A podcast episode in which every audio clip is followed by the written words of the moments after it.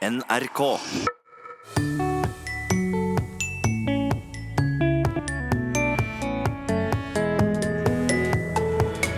Har du prøvd en rullaros?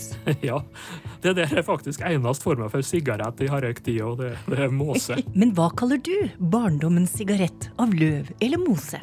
Og skulle du ønske at du kunne forstå hva kjæledyret ditt sier, utover de signalene du allerede kan forstå? Han har liksom sånne uttrykk vifter med halen sånn og sånn. Ja, da skal han ha teppet sitt. Forskere er i ferd med å dekode dyrespråk ved hjelp av ny teknologi. Vel møtt til Språkteigen. Fikk du med deg sesongstarten på Stjernekamp på NRK1? Der lanserte programleder Kåre Magnus Berg et nytt konsept for Språkteigen. Ja, da er det ett minutt igjen å stemme. Mona, premieren nesten unnagjort. Eh, Hvordan vil du oppsummere kvelden? For en utrolig variert eh, gjeng med så mye bra stemmer, og ikke minst eh, dialekter. Altså, dette var heftig. Heftig var det. Språk... Språkteigen med musikk. Ja, er det ikke det vi er? Et syngende språkteigen. Artig konsept. Ja, nå vet jo alle som kjenner meg at jeg gjerne kunne vært med på en slik syngende programidé, men jeg vet ikke om du som lytter ville satt pris på det.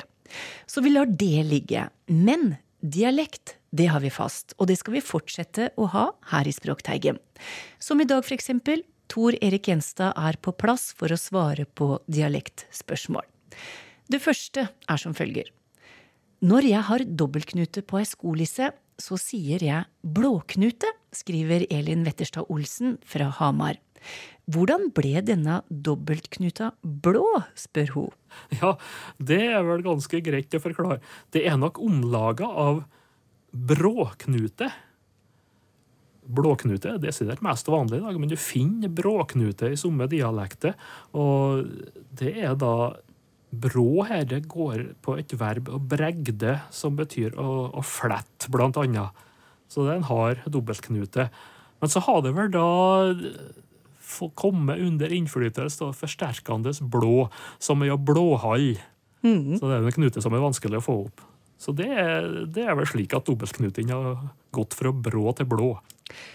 Jeg vet at Islands edd Det er litt vanskelig å vise den på radio, Ja. Tor Erik, for det er vel et uh, Det er en slags lesbe, altså tunga, tunga mellom tennene. V. Ja, edd. Har vært brukt i området omtrent rundt Vannylven, Stad, Måløy før, etter vokal. Og rester fins kanskje ennå, for alt jeg vet. For ikke så lenge siden fortalte en nordmøring at samme lyd hadde vært brukt på Todalen på indre Nordmøre. Kan det stemme, og fins det steder i Norge der det ennå er minne om bruk av ev, spør Jon Peder Westad.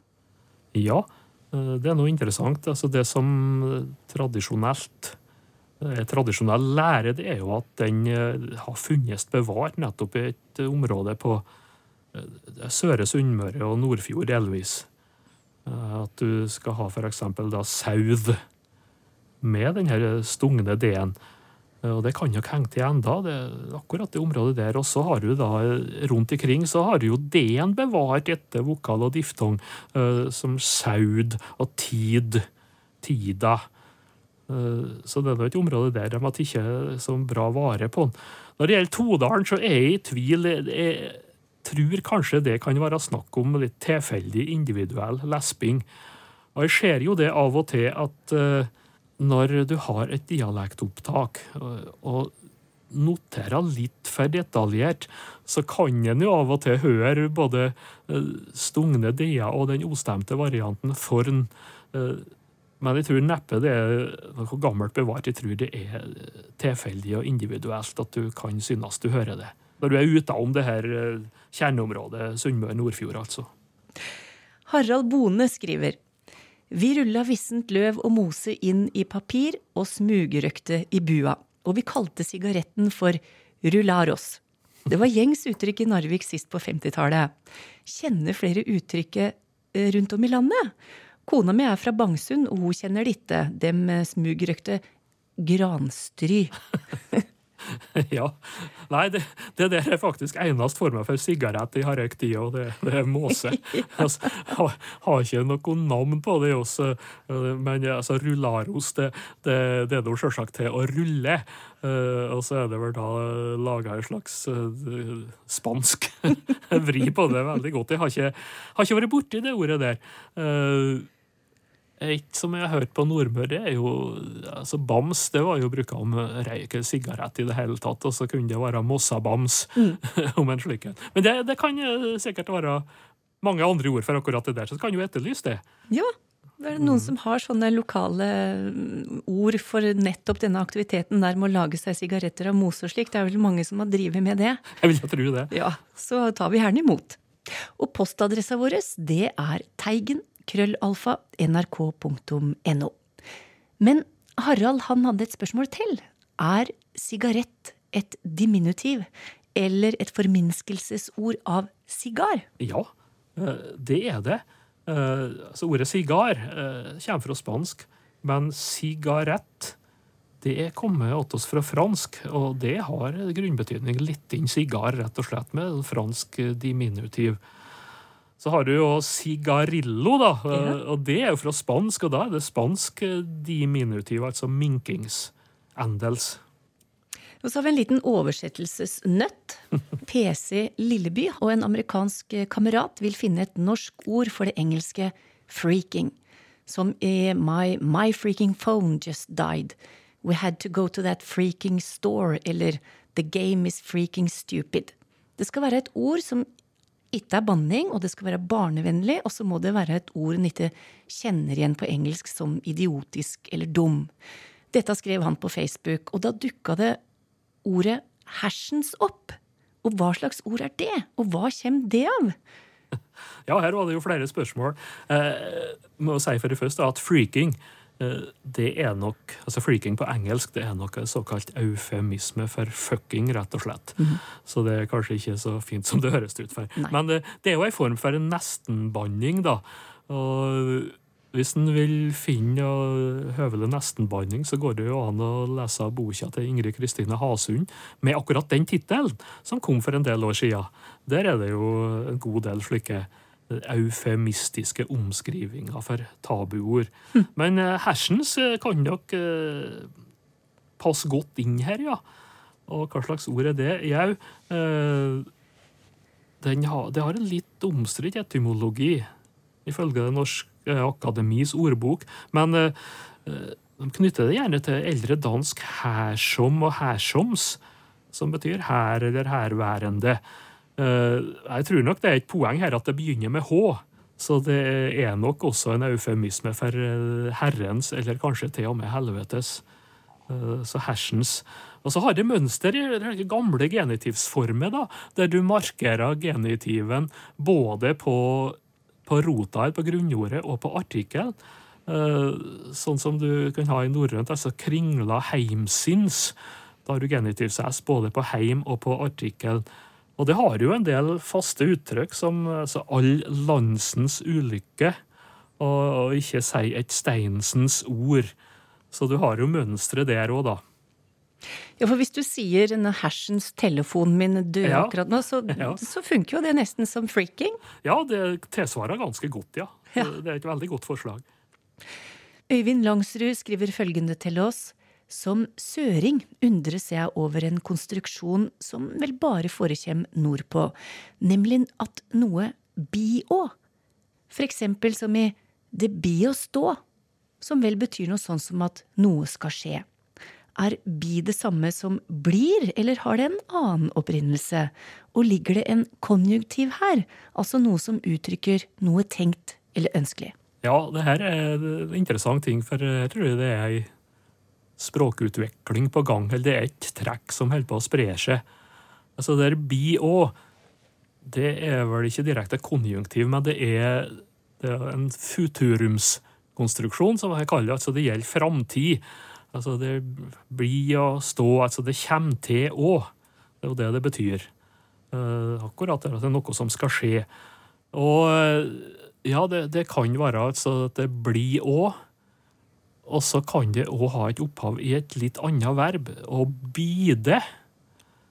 Som betyr eh, for det første å, finnes og å eksistere, men også å, å bli og komme til å være. Så det er nok sannsynlig at de to ordene der, å bli og bide, uh, har blanda seg litt sammen. Hm. Men det som er interessant, her er at det der bi og eller bli og om uh, Futurum det ser ut til å spre seg. Iallfall her i Trøndelag, som jeg sett, så hører jeg det ganske mye blant yngre folk. Så det er noe interessant å følge med til. Jeg er interessert i betydningen av ordet melovitt. Ordet ble brukt som navn på en halling av spellemann Hans Slettmo fra Heidal i Gudbrandsdalen. Men hva betyr dette ordet, spør Morten Skogum. ja, eh, jeg tror kanskje ikke det kan være halling i utgangspunktet. Eh, men eh, så melovitt det er typisk gudbrandsdalstradisjon. Jeg har vært litt borti det som spellemann òg. Og det er nok ei omlaging av menuett. Ah. Rett og slett. Eh, det finnes flere vrier på det der jeg også vært kalla melodont. Den her menuetten. Eh, så, og menuett det er jo egentlig en, en turdans, da. En pardans. Kommer fra fransk, eh, og meny det, det, det, i det sammenhengen her så betyr det liten. Og det er på grunn av det små dansetrinn, da. Og de her melovittene, eller menuettene, altså det måtte nå ha kommet gjennom litt sånn storfolk og embetsgarder, og, og, så har bygdaspellmenn lært seg det. Og du kan finne dem igjen som, som sprengleik, f.eks. i Gudbrandsdalen, eh, også som vals. Så de har tilpassa det mer bygdadansene som var bruka.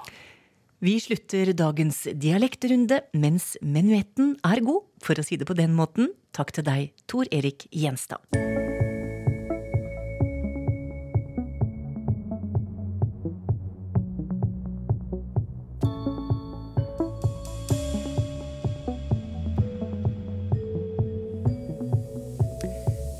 Vi ikke kjøper konseptet syngende språkteigen, så kommer vi til å prøve flere av de gode ideene som dere har sendt oss etter vårt rop om litt hjelp i forrige uke. Takk for alle innsendte forslag, den blir gode å ha utover høsten. Og sitter du og brenner inne med en god idé, ikke gjør det, send til oss på adresse teigen krøllalfa nrk.no. Vi skal fra dialekter til Tja, kan hende det kan forekomme dialektvariasjon i den kommunikasjonen vi skal over til nå. Hvem vet? Men det skal iallfall handle om kommunikasjon med dyr. Jeg er fin gutt. Du er ikke fin gutt. ja. Anne er ute og går tur med hunden Willy. En beagle som logrer og ser opp på henne når hun koseprater. Så gir hun en klem og sånn, og da kommer man med sånne koselyder. Mm, mm. Anne syns hun Willy er flink til å fortelle hva han vil. Men jeg forstår det. Jeg forstår hva han, altså hva han vil. Ja. Fordi at uh, han har liksom sånne uttrykk uh, vifte med halen sånn og sånn. Ja, da skal han ha teppet sitt. Mm. Og så andre måter så er det at ja, nå vil han slippe fri. Han, han må bindes veldig mye for at han er i matskapene. Ja. Han åpner alle skapdører. Han er som matvrak. så um, da, hvis han skal slippe fri, så har han et språk for det. Det forstår jeg. Mm. Og uh, måten han ser opp på meg, liksom, så det, det er en del ting jeg kan lese. Ja, Hundeeiere reporter Line Forsmo prata med, klarer å tolke språket til kjæledyret sitt sånn noenlunde.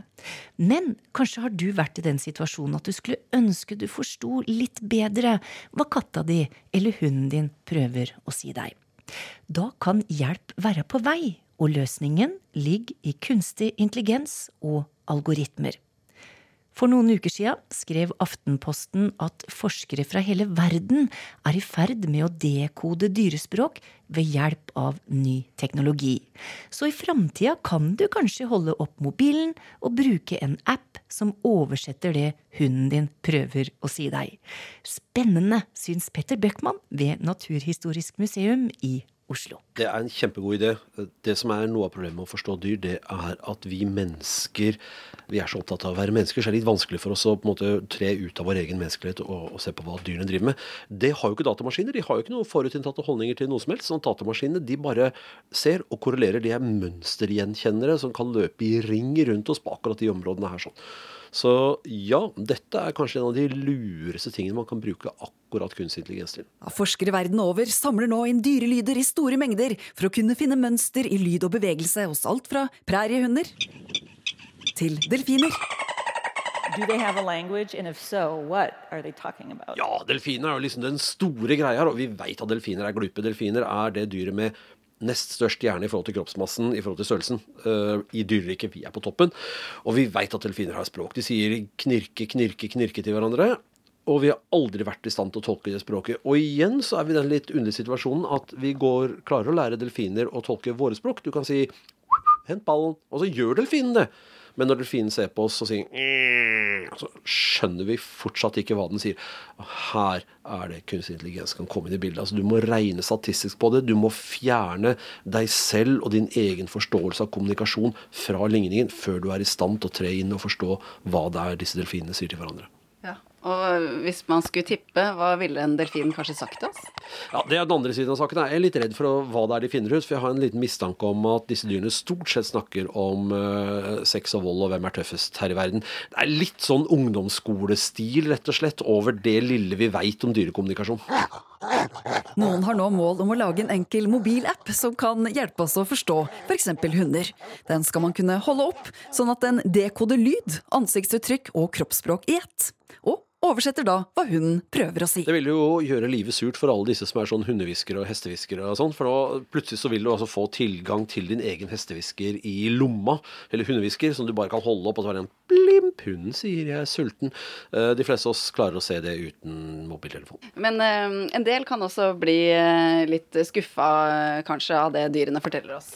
Ja, det, det, er, si, det er litt begrenset repertoar på sånne dyr. Det er ikke noen supersvær hjerne på hunder og katter. sånn at det er det er ikke de store, vidløftige tankene om sjel og plass i verden og sånn som kommer krypen der. Det er mer sånn direkte, og jeg tror du får veldig mye av det samme igjen og igjen og igjen. Men hva kan vi bruke det til, eh, da? Å forstå, altså hvis vi kan knekke koden og skjønne hva de sier?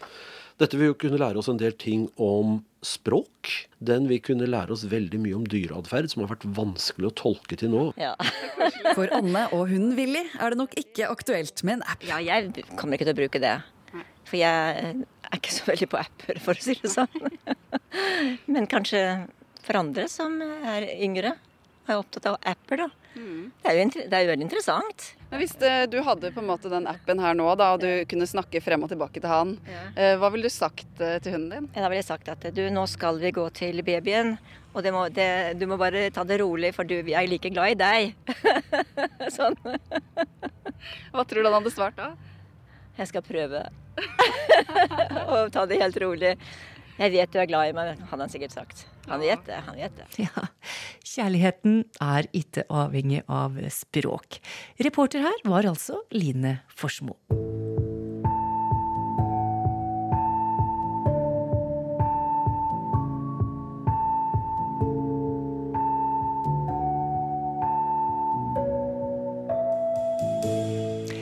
Vi skal ut i skogen og kikke etter bær sammen med Christer Vasshus, ivrig bærplukker og doktorgradsstipendiat tilknytta språksamlinga ved Universitetet i Bergen. Kanskje blir det ikke så mye bær i spannet, for vi interesserer oss mer for opprinnelsen til navna på bæra. Første stopp er krekling. Krekling er det er også et eh, spennende bær med et eh, spennende mangfold i navnet. Men de aller fleste navnene som jeg har kunnet finne om krekling, altså på norsk f.eks. skrekling og krobbær. På svensk kråkbær og eh, kråkjonn og kreppbær. Og dansk kragebær, eller kraubær, som de nok vil si. Det har med kråke å gjøre. Det har krekling òg. Altså ling i krekling.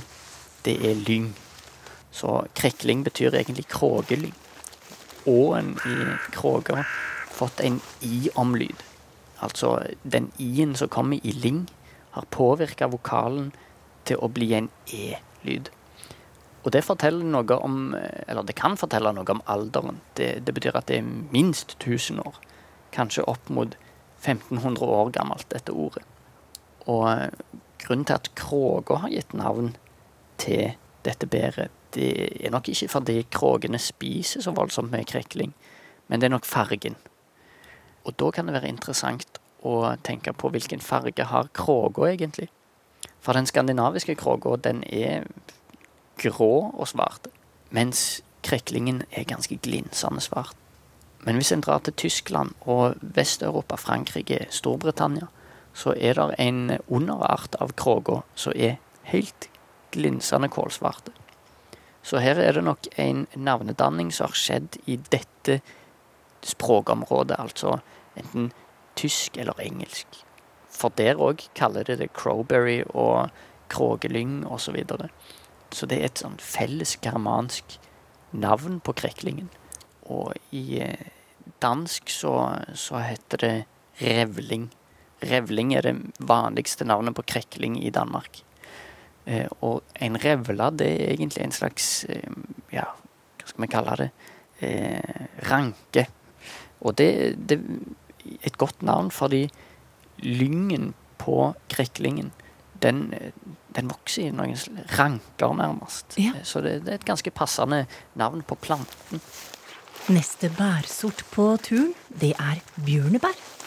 Navnet bjørnebær på norsk det er òg litt mystisk. For det er bærenavn som inneholder ordet bjørn, det, de er ofte ikke spiselige. Altså, De trenger ikke å være giftige, men ordet bjørn har ofte en sånn avskrekkende Ja, de, de blir brukt om bær som ikke blir brukt spesielt mye i mat. Det gjelder òg en del andre dyr, f.eks. ravn, rev, orm, padda. Men en av Grim-brødrene, som òg var språkforsker, Ja. han mente at bjørnebær nok kunne hete bjørnebær fordi en har hatt en idé om at de vokser opp av bjørnelort. Bjørnelort kan sånn sett godt inneholde alle andre bær, så hvorfor bjørnen skulle gi navn til bjørnebæret, det, det er òg litt mystisk, altså. Mm. Og svensk, da? Svensk, der kaller de det òg bjørnebær.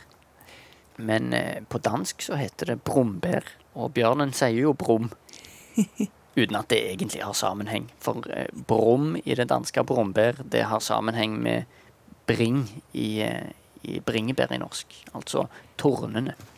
De neste bæra må vi kanskje hente et hjelpemiddel for å få tak i, for høyt heng dem, og sure er dem, som reven sa om rognebæra. De er ganske sure og bitre òg, syns jeg.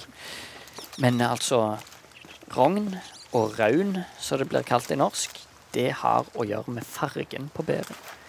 Altså, rogn kommer av et urgermansk ord som rekonstruert til raudnio, eller raudna.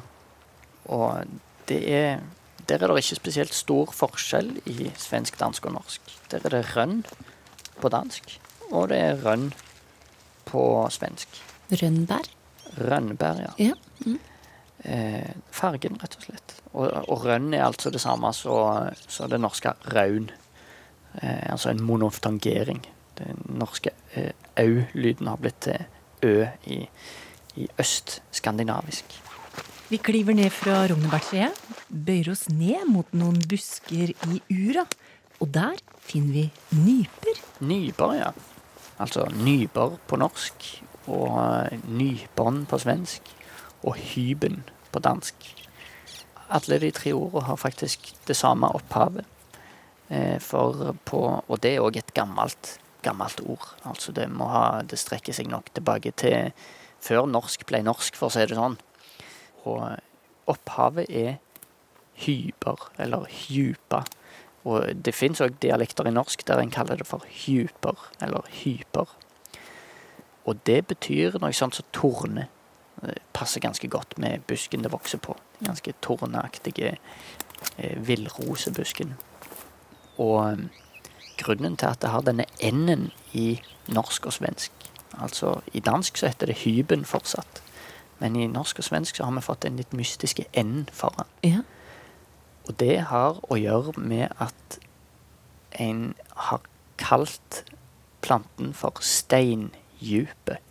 Og den enden i stein eh, Altså, en har delt opp ordet feil, rett og slett. Tatt vekk stei og latt enden stå på, sånn at det blir njupe, eller nype. Eh, så det er altså steindyper. Og steinen, hva den har å gjøre med saken, det, det kan være fordi steinene innvendig er ganske karakteristiske med eh, ja, kløpulver, kalte jeg det når jeg var liten. Eh, og de er òg harde og ubehagelige å spise på så mange måter. Men, eh, men voksestedet er òg altså, nyper har ingenting imot å vokse i steinete og eh, kuperte områder. Ikke noe å sylte av, men skal vi plukke med litt einebær?